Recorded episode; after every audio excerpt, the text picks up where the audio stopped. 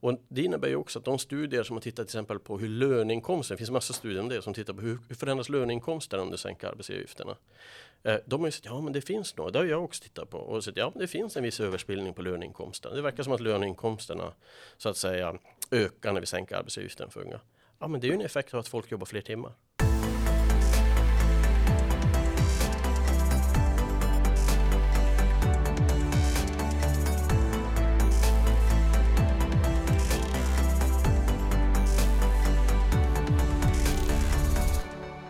Sven-Olof Daunfeldt är professor i nationalekonomi och forskningschef vid Handelns forskningsinstitut. Han har publicerat närmare 100 rapporter där över 40 stycken har publicerats i internationella tidskrifter.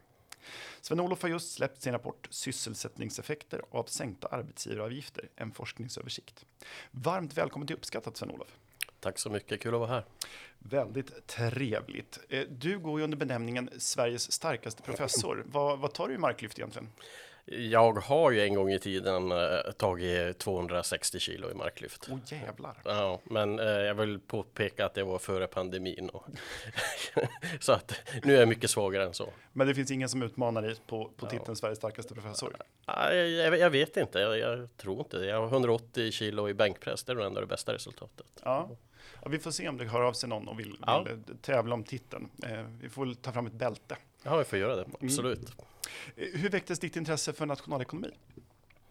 Eh, det tror jag väcktes när jag läste Kjell-Olof Feldts utmärkta bok eh, Alla dessa dagar. Ah. Eh, som, jag växte upp i Kiruna, i ett ganska, ganska starkt socialdemokratiskt fäste och bägge mina föräldrar var också med i socialdemokratiska partiet och det diskuterades ganska mycket politik hemma. Eh, men när jag läste Kjell-Olof Feldts bok där, då fick jag som upp ögonen just det här att eh, ekonomi är egentligen bara den andra sidan av politik. Det är som två sidor av samma mynt. Mm. Och jag varit ganska fascinerad över hur de här hängde ihop så att säga. Sen när jag började plugga på universitetet så var nog ändå tanken att plugga statsvetenskap. Men eh, jag har varit mer och mer intresserad av nationalekonomi.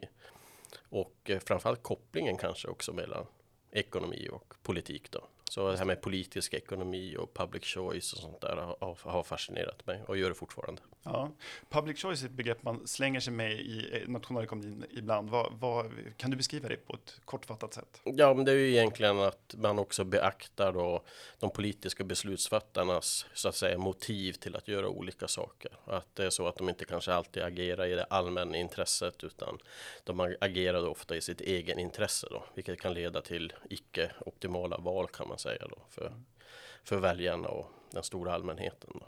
Mm, det, var, det, var, en av mina ögonöppnare också när jag läste om public choice. Så, så var det som att en dörr öppnades. Man, ja. förstår hur, man förstår hur politiken fungerar mycket tydligare då. Ja, precis. Jag har ju faktiskt haft äran också att få föreläsa en gång efter Buchanan på en, på en oh. Så det är en, en av det som jag kanske håller allra högst i min akademiska karriär. Att jag fick tillfälle att, att faktiskt hålla en föreläsning efter att han hade hållit en föreläsning. Fantastiskt. I, i, verkligen i skuggan av honom vill jag också tillägga. och, och Buchanan är, eh, vad heter det, fick priset till Alfred Nobels eh, minne i ekonomi på 80-talet va? Ja, stämmer. Jag kommer inte ihåg exakt vilket år så att säga. Och han är en av, kan man säga, fadersfiguren kring just public choice-skolan. Eh, och en Chicago-ekonom, det kallas Chicago-skolan va? Eller ja, det, det, det, är väl som en del. Jag vet inte riktigt om man kan. Man brukar ju som säger det bara att det är public choice-skolan. Mm, mm. Mm. Givet det här intresset, du har aldrig funderat på att ge dig in i politiken mer, utan det är akademin som är din hemvist? Ja, nej, det, det skulle jag ändå vilja säga att uh, jag, jag, tycker mer om att analysera och skri skriva rapporter och analysera politik så att säga, än att kanske vara där och utföra och göra själva hantverket. Mm. Jag, är, väldigt fascinerad och jag tycker vi har extremt mycket duktiga politiker i Sverige. Jag tror man glömmer bort det ofta att uh, många som jag möter tycker jag är väldigt engagerade uh, i, i, sina frågor och tycker jag ofta gör ett väldigt, väldigt bra jobb. Jag tror mm. att man i de här tiderna så tar man ofta och gnäller väldigt mycket på politiker och så här. Men eh, jag måste säga att jag är ganska imponerad av många politiker som, som jag har träffat genom åren. Mm. Och man, du, du, tycker att man lyssnar på forskningen från, från vänster till höger och inte bara det som stödjer ens egen tes? Nej, men alltså det, jag tror att det var, jag, jag pratade en gång med en, med en professor som, som jag känner som heter Lars Hultkrantz då, som ju också varit väldigt mycket med i, i debatten och jag sa någon gång att blir du inte frustrerad för att du har ju alla de här fina förslagen och analyserna mm. men det är ingen som lyssnar på det. Och då sa man, men Sven-Olof, de, de lyssnar, man måste bara ha tålamod. Ja. Det måste gå en mandatperiod. Och sen, så jag tror lite grann det att det, det det handlar om här är ju någon form av eh, långsiktig påverkansarbete. Man, man, det är som ett hangarfartyg, man vänder inte det på en gång utan man måste, man måste helt enkelt tjata. Man måste, det som vi ska prata om idag är ett bra exempel ja. på det. Att, eh, man, man måste så att säga berätta om och om igen varför det är på det här sättet och inte på det här sättet som ni kanske har trott i alla år. Just det. Mm. Vi ska komma in på din senaste rapport ganska snart, men innan dess så tänkte jag fråga dig. Du har varit ute och diskuterat frågan om rutavdraget eh, tidigare mm. eh, och det är en reform som fått ganska mycket kritik. Eh, RUT är ju då för avdrag, då, skatteavdrag för hushållsnära tjänster. Eh, och inte minst från vänster då, så, så, beskrivs det här ibland som ett sätt att subventionera rikas eh, liksom städning och att det skulle vara samhällsekonomiskt olönsamt att, att, att ha det här utavdraget. Men du har kommit till en annan slutsats. Ja, nej, jag tycker ju att, eh, och där, där var jag också, jag, jag är inte så, så här rädd för att kritisera myndigheter heller. Jag tycker många myndigheter idag är ganska aktivistiska. Eh, och det var väl ett exempel. Det var ju, jag tror det var Riksrevisionen som skrev en rapport eh, där hela rapporten så att säga visade att det här rutavdraget har ju kanske varit den mest lyckade reformen som jag någonsin har sett utvärderats. Men slutsatserna i rapporten var ju helt annorlunda så att eh, deras analys hängde inte ihop med de siffror de presenterade i den här rapporten och det var det jag var väldigt kritisk till. Då. Mm. Utan jag tycker de tydligt visar där att rutavdraget är en, en fantastisk reform för att få in ofta grupper som har problem att komma in på arbetsmarknaden också. Att de får en mer stabil position på arbetsmarknaden. Och att det också då har frigjort tid för de som utnyttjar de här tjänsterna till att göra någonting, eh, någonting produktivt. Så att det är ju så att säga en, någon form av arbetsspecialisering. Det är de som är specialiserade på att städa och gör det i ditt hem och du kan använda det till, till, till lönearbete. Och det är bra för samhället. Arbetsdelning och specialisering är ja. någonting som har bidragit till vår rikedom. Ja, verkligen. Eh, och jag tror att det, och därför är rutavdraget, om man, om man jämför det med andra reformer som man har genomfört så är det skulle jag vilja säga en av de mest lyckade reformerna. Mm. Sen kan man ju ha åsikter om det är vettigt och så att säga inkludera fler tjänster och utöka det. Det är ju en annan fråga. Det, det, kan ju hända att det inte är lika effektivt som när man första gången introducerar rutavdraget. Det är en annan fråga, men, men jag, jag är av uppfattningen att det, de studier som publicerats visar att rutavdraget är en av de mest lyckade reformerna som vi har genomfört de senaste 20 åren i Sverige. Mm. Jag vänder mig ofta mot den här beskrivningen att det skulle vara en, en subvention när man sänker en skatt. Det mm. tycker jag är ett, ett, ett ett, ett, resonemang som är ganska motbjudande. Att man sänker en skatt innebär ju inte att det är en subvention, utan det innebär ju bara att skatten är lägre. Um, och sen så tycker jag att det finns en ganska stark poäng att, att eh, kapa de här skattekilarna vi har i Sverige. Alltså, eftersom vi har så höga skatter, inte minst på arbete, så blir det i att själv anlita eh, någon som utför en tjänst blir väldigt, väldigt dyrt för en privatperson. Ja. Eh, svensk arbetsmarknad är uppbyggd kring att det är liksom för industriproduktion mm. och då får du inte så starka skattekilar, alltså en, en stark skatteeffekt. Det blir väldigt dyrt att anlita någon privat. Precis, och det är det kombinerat med väldigt höga ingångslöner också ja. i många branscher. Så det är det som stänger ute eh, en stor del av arbetskraften från vår arbetsmarknad och framförallt utrikesfödda. Där är, det, är, det är en annan fråga, men där har vi gigantiska problem. Mm. Utanförskapet bland utrikesfödda riskerar ju att eh, ja, slå hål på mycket av, den svenska välfärdsstaten tror jag på sikt. Ja. Och apropå då eh, sysselsättningseffekter och skatter så, så eh, kliver vi in till din, din, nu aktuella rapport sysselsättningseffekter av sänkta arbetsgivaravgifter. Eh, och där beskriver du att arbetsgivaravgifter varierar länder emellan. I Tyskland till exempel så, så betalas inga arbetsgivaravgifter efter en viss inkomst. Hur, varför väljer man att göra på det sättet i Tyskland? Nej, men jag, jag, tror att det helt enkelt är så att man, eh, man, man alltså i Sverige har vi med det motsatta så att säga. Vi, det här betalar vi in arbetsgivaravgifter över vissa inkomstgräns, men de ger inte rätt till någon förmåner. Eh, och det, där tycker jag att Tysklands, alltså det är ju lite grann det här att ska ska arbetsgivaravgifterna så att säga täcka delar som inte är för. Men det, jag tror det är så många när man pratar arbetsgivaravgifter med en genomsnittlig svensk så att säga. Och, och, då tror de ju ofta att ja, men det här är ju bra för det här går ju till våra försäkringar och sjukförsäkring och pensioner och sånt där. Men det de missar då är ju att en tredjedel av arbetsgivaravgiften är ju en rent dold skatt och tjänar du lite mer så att säga så är det ju ännu mer än så i och med att då det inte, inte har ha sin täckning då i sjukförsäkringen eller pensionssystem eller liknande. Just det, för om vi benar ut det lite. Vi släppte en rapport som finns på vår hemsida just om den här allmänna löneavgiften som är på mm. 11,62 eh, procent. Va? Mm, eh, och som är en ren skatt och som från början infördes för att finansiera Sveriges inträde i EU. Och då låg på bara någon enstaka procent och sen dess då har mm. den, låg på, den låg på 1,5 procent ja. den infördes 1995 och det är egentligen också en ganska konstig grej kan jag tycka att man inför det för att för, alltså, finansiera EU-inträde för det innebar ju då att de arbetskraftsintensiva tjänstebranscherna skulle finansiera EU-inträdet alltså de branscher som man, troligtvis hade kanske minst nytta av EU-inträdet. Utan det kanske borde vara de kapitalintensiva stora industrijättarna som skulle vara med och finansiera det här i högre grad om någon skulle göra det så att säga. Eh, så att he hela den logiken tycker jag haltar väldigt mycket. Men sen har ju det ökat jättekraftigt. Ja. Alltså, idag är den som sagt 11,62 procent och bara under de senaste tio åren så har den fördubblats. Just. Och den står för i skatteintäkter på 200 miljarder per år nu, vilket är otroligt mycket. Ja, det är det. Eh, och, för, och, sen så består arbetsgivaravgifterna då, det brukar kallas då en klump, men den stor, största delen, en tredjedel, är den allmänna löneavgiften och sen är det sex andra eh, delkomponenter va? Oh. som ska kopplas till olika typer av ersättningssystem som eh, föräldraförsäkring och, och sjukförsäkring och sånt där. Mm. Men, eh, och det där betalar alla inkomsttagare in från den, liksom från, från den först intjänade kronan.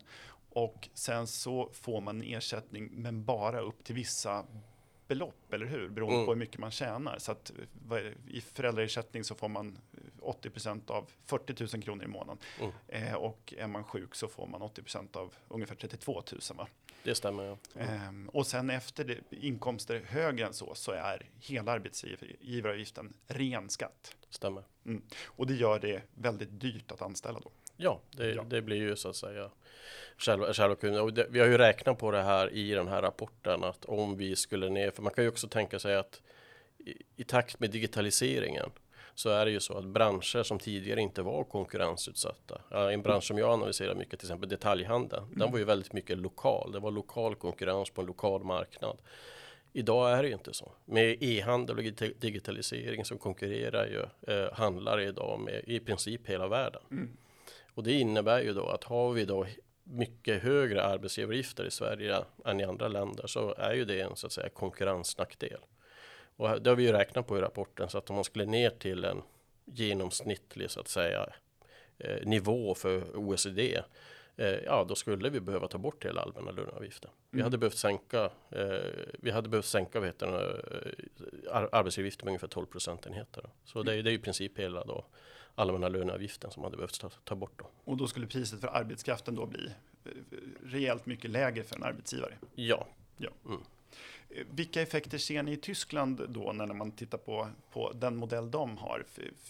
Renderar det då ett vad heter det, minskad arbetslöshet? Ja, vi har ju faktiskt inte tittat på i den här rapporten på Tyskland och andra länder utan vi har valt att fokusera på dem. Det är en forskningsöversikt så vi har gått igenom de forskningsstudier som är gjorda i de nordiska länderna på vad effekterna är av sänkta arbetsavgifter och det har vi ju valt för att eh, de nordiska länderna är ju ganska lika varandra institutionellt. Mm. Så då har det ganska hög extern validitet, det vill säga det som gäller för Danmark eller Norge gäller troligtvis också i Sverige. Men börjar vi gå till andra länder som har helt andra system då, eh, Tyskland kanske ett dåligt exempel, men till exempel USA, då är det inte säkert att resultat från USA är så att säga jämförbara i en svensk kontext. Då. Så vi har helt fokuserat i den här forskningsöversikten då på de lärdomar vi kan dra från forskningsstudier i, i de nordiska länderna. Mm. Och det som jag tycker är väldigt intressant är ju att det också framkommer då alltså mycket så här som kan slå, slå sönder olika myter och där man också visar att eh, effektiviteten av en sänkt arbetsgivaravgift beror också på hur den här sänkningen utformas. Idag så tenderar vi ju att diskutera sänkta arbetsgivaravgifter som att det är samma effekt oberoende av hur vi sänker dem. Men så är det inte. Okej, okay. och, och hur skiljer det sig åt? Det finns flera stora skillnader man, man kan dra. Alltså egentligen kan man ju säga att eh, det som studierna visar, vi, vi, vi, vi jämför ju tre stycken olika typer av sänkningar. Vi tittar på re regionala sänkningar, vilket man har gjort i Sverige i, ett, olika fall. Det vill säga man har en ort där ofta som har, har gått riktigt dåligt och sen så har man valt att ta bort arbetsgivaravgiften eller sänka den mycket för att stimulera då eh, arbetskraftsefterfrågan på den mm. orten. Det där har funkat väldigt dåligt eh, och inte varit speciellt effektivt. Vi, troligtvis på grund av att många av de här eh, min pappa är ju upp, uppvuxen i Svappavaara eh, utanför Kiruna, mm. strax söder om Kiruna. Och där tog man ju bort hela den här arbetsavgiften för företag då, när de anställde. Men, men det ledde inte till så mycket på den tiden. Och troligtvis på grund utav att ja, det var inte så många företag som ville flytta dit och det var en väldigt stark nedåtgående trend. Och då hjälper inte sådana här effekter för att vända den här eh, nedåtgående trenden. Men sen finns det studier i, just när det gäller regionala arbetsgivaravgifter i Norge där man har tittat på när man tog bort sänkningar i vissa regioner. Och då visade det sig att där hade det en ganska kraftig, ledde till en ganska kraftig ökning av arbetslösheten.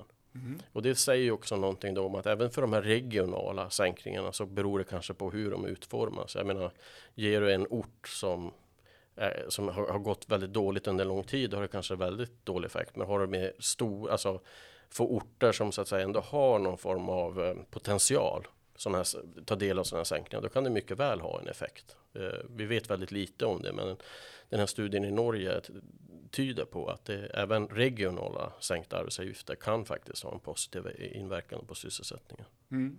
Och är det en, borde man börja så i en experimentform och, och, välja ut regioner med sänkt arbetsgivaravgift för att se hur det funkar eller borde man göra, ett, borde, borde man göra, göra en stor reform på en gång? Nej, jag tror nog egentligen att det vi kommer fram till i den här rapporten är ju att vi, vi tittar på två andra typer av sänkningar också förutom regionala och det är ju då selektiva sänkningar och generella sänkningar. Mm.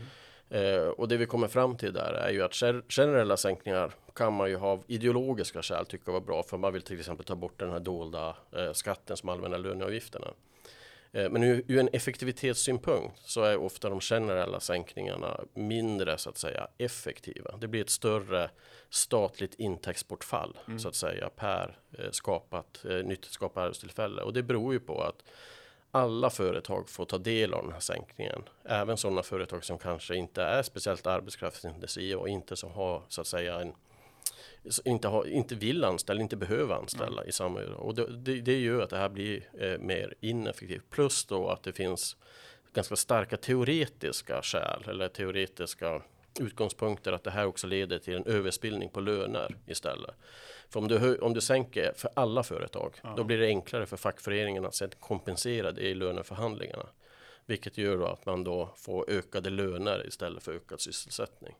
Mm. Så att det, det, är en, det, är det som talar emot egentligen generella sänkningar. Och det som jag väl i den här rapporten diskuterar ganska mycket, det är ju att den här sänkningen av arbetsgivaravgiften för unga som vi införde 2007 var i själva verket en väldigt effektiv reform, trots att många hävdar motsatsen. Just det, för den var väldigt kontroversiell. Ja, och jag, jag tycker att eh, det, det är kanske där man ska börja.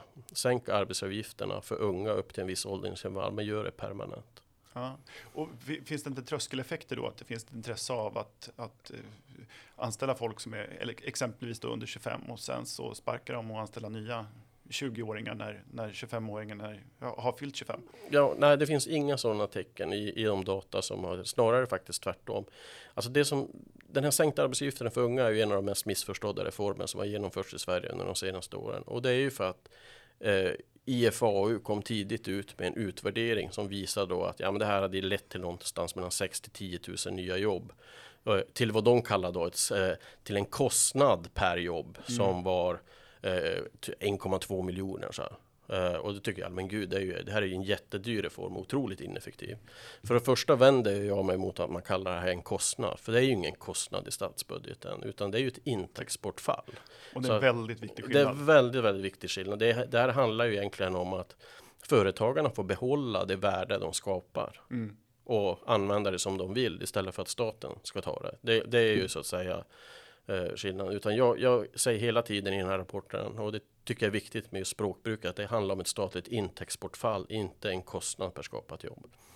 Eh, men det som, det som var problem med den här rapporten från IFAU, som jag upptäckte efter många genomläsningar, det var ju att de jämför ju då, man brukar säga i forskningen så vill man ha en behandlingsgrupp och en kontrollgrupp mm. eh, för att skatta effekten av sådana här reformer. Behandlingsgruppen, det är precis som i medicinsk forskning, man ger någon ett eh, sockerpiller och den andra är riktiga medicinen. Ja. Och, och, behandlingsgruppen får ju den riktiga medicinen och kontrollgruppen får det här sockerpillret. Och det är samma sak i ekonomisk forskning, så letar vi efter sådana här behandlingsgrupper och kontrollgrupper. Det IFAU gjorde då, eh, det var ju att de tittade på de då individer som var just behöriga för att få den här sänkningen. Det vill säga, med, och sen så jämförde de med de som var något år äldre och som då inte var behöriga för de här sänkningarna. Och så tittar de då på, ja, var det så att de här som eh, individerna som var precis under gränsen eh, och som fick ta del av sänkningen då eh, anställdes i högre omfattning jämfört med de som var marginellt äldre och inte fick den här sänkningen. Mm. Eh, och det låter ju snyggt. Problemet är ju bara att det är inte individerna som får ta emot den här sänkta arbetsavgiften. Det är företagen. Ja. Och för, reformen var ju utformad så att företagen fick ta emot det eh, så att egentligen ju fler, ju högre lönekostnader de hade för unga, desto större kostnadsbesparing fick de. Mm. Så de fick så att säga en, vad kan man säga, en behandlingsdos. Vilka fick, många fick en väldigt liten dos, som antagligen inte alls påverkar deras, alltså eh, eh, att de vill anställa fler. Men andra, föret andra företag fick en väldigt stor dos eh, och en stor kostnadsbesparing. Och det vi har gjort och även andra forskare då, det är ju att då skapa en behandlingsdos då per företag. Så vi räknar fram då kostnadsbesparingen per företag och så tittar vi då, är det så att de företag som fick en större kostnadsbesparing anställde fler? Och då visar vi ju andra att ja, så är fallet. Och den här effekten är ganska tydlig och den är ganska stor. Så att istället för att skapa då 6 till 10 000 nya jobb så har vi beräknat att det handlar om över 18 000 nya jobb som skapades av de mm. sänkta arbetsgivaravgifterna för unga. Och när vi då räknar det statliga intäktsbortfallet då handlar det om kanske 440 000 per skapat jobb. Mm. Så en väsentligt lägre summa än vad IFAU beräknar. Och det beror ju på grund av att man när företagen fick de här kostnadsbesparingarna då anställde de inte bara de unga utan man anställer de äldre också. Ah. Så att, och det, det, det här det vart fel i den här rapporten för då, då jämförde de ju, de, de trodde att de hade en behandlingsgrupp och en kontrollgrupp men själva, fick, själva verket fick ju bägge grupperna medicinen. Just Va, alla blev behandlade, även de som var lite äldre eh, så att säga fick, en, fick, ja, fick eh, större möjligheter att få en sysselsättning på grund av reformen. På grund av att företagen fick en kostnadsbesparing som de också eh, använde för att anställa äldre arbetstagare. Mm. De anställde framförallt yngre arbetstagare för att de var billigare. Men de anställde även äldre arbetstagare. Det, det, i, I nationalekonomiska teorin så är det, är det här då vad vi kallar en substitutionseffekt och en skaleffekt. Mm. Substitutionseffekten gör att de varit mer benägna att anställa yngre för att de varit billigare. Skaleffekten sa att ja, de varit också mer benägna att beställa alla arbetstagare eftersom de varit billigare. Just det. De fick en kostnadsbesparing. Det gäller att veta vad man ska mäta helt enkelt. Ja, Precis. det är väldigt, väldigt viktigt då. Eh, så att eh, det är ju här vi tycker har bidragit ändå till, till den här forskningen. Och, och sen är det inte bara vi utan även andra forskare har ju visat att, att det här skapar ganska många nya jobb. Och också som är viktigt, det finns en ganska ny studie i Journal of Public Economics som visar att eh, effekten avtar inte över tid. Utan de som fick jobb, de fortsätter ha jobb efteråt. Så det är en permanent förändring, ökning av sysselsättning. Det är inte bara tillfälligt hopp uppåt. Och det, det är också en viktig viktigt av den och anledningen. Då. Och det är i relation till det som den här kostnaden per jobb på 440 000 ska ställas. Det är det den ska ställas i relation till. Ja, precis. Och det, det som är viktigt här är också, eller jag tycker egentligen den ska ställas i relation till andra reformer också. För det man också måste komma ihåg att det här är ju så att säga en statisk kostnad. Det här mm. är ju så att säga vad tappade man staten i, i intäkter till följd av att man genomförde den här reformen. Men man, kan, man, troligtvis fick man ju till sig intäkter på annat sätt för att det var ju de här pengarna som företagen eh, så att säga besparar. Det använder de ju då till exempel för att anställa och då kanske folk som tidigare var arbetslösa som gick på bidrag som nu kom in i systemet kunde jobba och betala in pengar till. Det. det. här räknar man ju aldrig på. Det är de här dynamiska effekterna ja. som vi konsekvent vä vägrar räkna på i Sverige. Trots att vi vet att de finns. Och de är svåra att beräkna, men de finns ju. Och, så att, I många fall är de uppenbara ja. om man låter bli att räkna på ja. Så är det. Så att, eh, och därför så tycker jag då att eh, det här 440 000, det måste man också komma, det är ju då den statiska. Och då måste ju det jämföras med andra reformer. Det, det, alltså, du, man kan inte förvänta sig att man så att säga genomför en reform och så ska den betala sig själv. Nej. Men sådana reformer finns ju inte. Alltså, du kan nämna någon för mig. Jag hittar, jag, jag kan inte komma. Ja, möjligtvis värnskatten. Ja, värnskatten värnskattens bort. Det, det, är möjligtvis den reform som på sikt i alla fall betalar sig själv. Men det är väldigt svårt att hitta sådana reformer. Och då brukar jag istället säga, ja, men ställ det mot andra reformer som vi gör då. Mm. Till exempel extratjänsterna. Mm. Av 90 dagar efter en extratjänst som innebär att vi betalar över 100% av någons arbetskraftskostnader så var det ju 6% som hade en anställning. Ja, och det, det låter ju väldigt dyrt. Det är väldigt dyrt. Jag tror att jag gjorde en snabb beräkning att det, kan, det handlar om då 9 miljoner kronor i intäktsbortfall oh, per skapat jobb. Sen har du ju andra eh, reformer som, som ni har lyft på skattebetalarna, alla de här selektiva företagsstöden som mm. vi delar ut till höger och vänster till olika tillväxtorienterade företag. De skapar ju ofta inte några jobb överhuvudtaget. Så där är, där är ju det här intäktsbortfallet oändligt. Då. Det går ja, inte ens att räkna på. Tvärtom, de där 40 miljarderna, intervjuat Christian Sandström tidigare i den här podden, de där 40 miljarderna, han har skrivit en rapport för mm. oss, ett tidigare avsnitt här i Uppskattat, eh, så, så beräknar man att kostnaden är ungefär 40 miljarder varje år. Det där är ju inte bara så att det är pengar i sjön, utan det tränger ju också ut andra mm. mer välbehövliga investeringar. Alltså man får företag som aldrig borde existera, som i själva verket slukar resurser. Ja, och det är ju bara, det är så här går när staten då ska leka riskkapitalist kan Exakt. man säga. Och, eh, alltså jag är väldigt skeptisk och det är det jag tycker. Man måste kunna ställa reformer mot varann. Man ja. kan inte som ställa det mot att ja, men det här måste gå med noll. Men ta bort extra tjänsten istället, satsa på de sänkta arbetsgivarna. Det är mycket, mycket, mycket bättre reform. Finns det andra grupper som skulle kunna omfattas av, är det här ett sätt att motarbeta utanförskap även i andra grupper än, än ungdomar? Ja, vi har ju sett det i våra, i våra studier att det även leder till en viss positiv effekt även på utrikesfödda. Mm. Och det är ju på grund av att många av de företag som får en sänkt arbetsgivaravgift, om man sänker den för unga, eh, de är ju verksamma då inom hotell och restaurang, eh, detaljhandel och så vidare. Och de, eh, och de tenderar ju också att vara lite mer benägna att anställa utrikesfödda, framförallt hotell och restaurangbranschen. Mm. Och det, då innebär det att man får en viss positiv effekt även för utrikesfödda. Nu ska det dock sägas att den effekten är ganska marginell, så det är ingenting som vi kommer att... En sån här reform gör ju att vi får fler jobb i Sverige. Men vi får inte så många jobb så vi kommer att mot, alltså lösa det här utanförskapet som finns på arbetsmarknaden idag bland utrikesfödda. Det, det, kommer ju inte hända. Det är också viktigt att ha i åtanke. Um, för, för, det där är ju frågan har tittat på på Handelsforskningsinstitut. Mm. Hur, hur, fler, hur man ska minska det här utanförskapet och inte, då, eh, inte minst då bland utrikesfödda. Mm. Vad, vad, vad, finns i verktygslådan som är liksom bra åtgärder för att åtminstone komma till, till rätta med en del av det här problemet? Ja, arbetsmarknaden måste bli en marknad igen. Ja. Det är egentligen det, det korta svaret. Och det, vad jag brukar hävda är ju att vi har för höga ingångslöner. I detaljhandeln till exempel, de anställer ju inga utrikesfödda. De anställer ju eh, välutbildade eh, ungdomar som har gått teoretiska linjer på gymnasiet. Mm. Det är vad handlar och det är helt rationellt för dem att göra det, för det är de som de upplever som mest produktiva.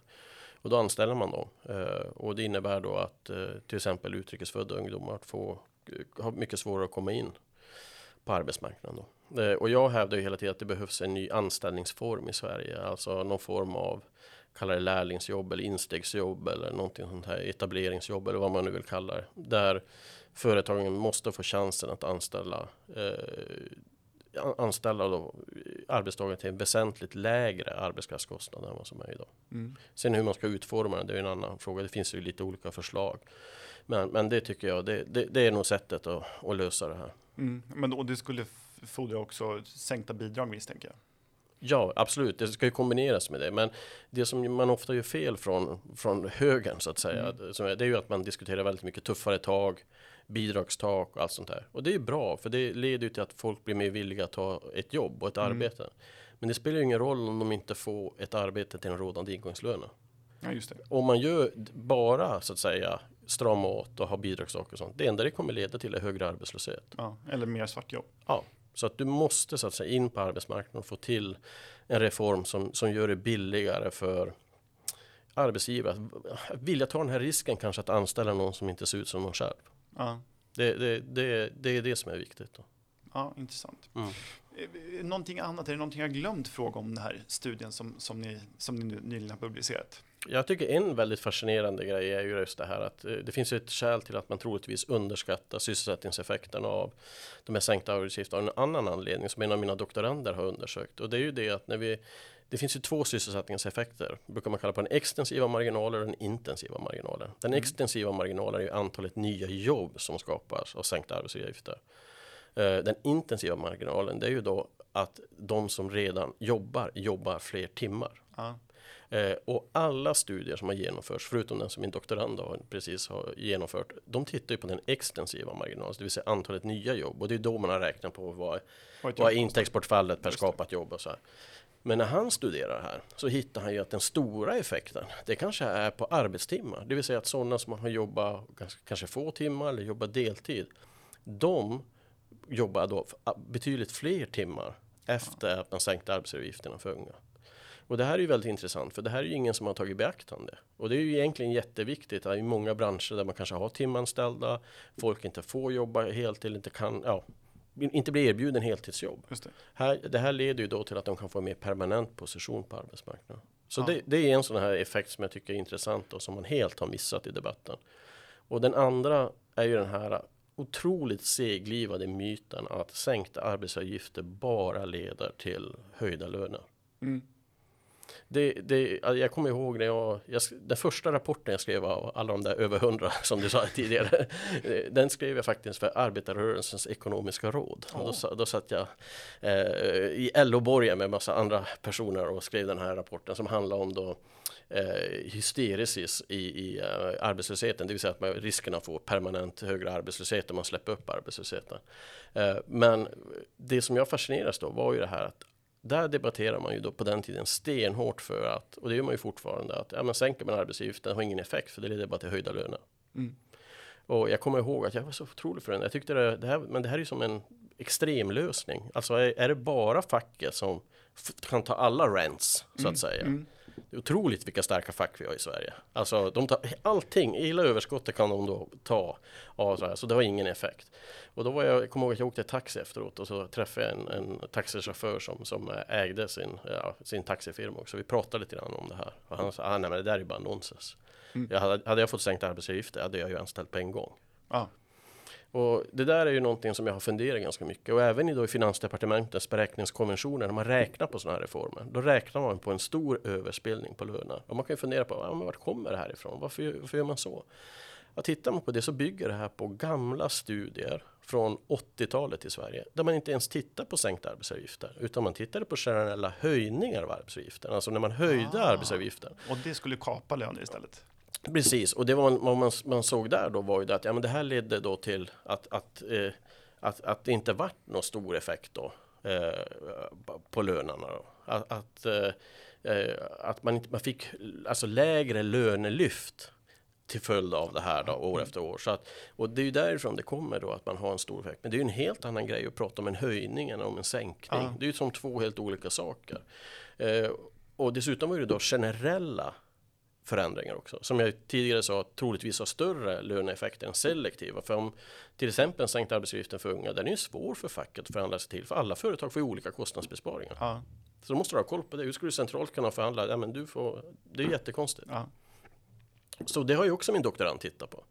Och när han tittar på det, på det här då så räknar ju han då på hur mycket överspill och då tittar han bara på befintliga arbetstagare i detaljhandeln som hade jobbat länge i detaljhandeln, vad vi kallar för insiders. Mm. Och det är ju de som troligtvis är mest benägna då att förhandla till sig högre löner. Och så hade han data på deras kontrakterade löner. Och det har man inte haft tidigare i studier. Och då visar han att ja, när man sänkte arbetsgivarna för unga, ungefär endast 5% av den kostnadsbesparingen som det var till företagen ledde till högre löner. Ah. 5 så ja, det är, det är ingenting. Lite. Det är väldigt, väldigt lite. Och den stora effekten var så att säga på antal arbetade timmar. Och det innebär ju också att de studier som har tittat till exempel på hur löneinkomsten, det finns massa studier om det som tittar på hur, hur förändras löneinkomsten om du sänker arbetsgivaravgifterna.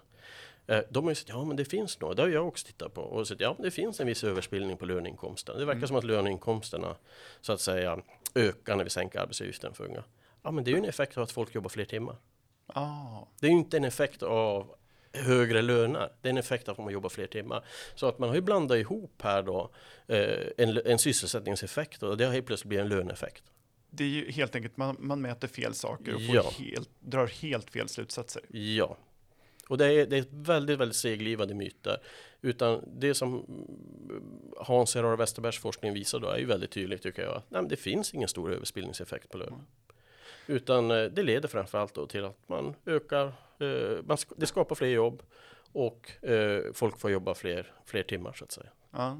Men det låter som med de här slutsatserna och de förslag du har. Vi på Skattebetalarna brukar vi säga att man borde överföra hela arbetsgivaravgiften eller åtminstone den allmänna löneavgiften helt till lön, det vill säga överför man hela arbetsgivaravgiften till lön så skulle samtliga svenskar få ett lönelyft på eh, ungefär 32 procent eh, brutto och 0 mm. kronor netto. Just det. För det är så, jag tänker mig att folk skulle bli väldigt upprörda om, om, om de upptäcker hur mycket skatt de betalar. Mm. Men, men det är inte en reform du skulle vilja se alltså?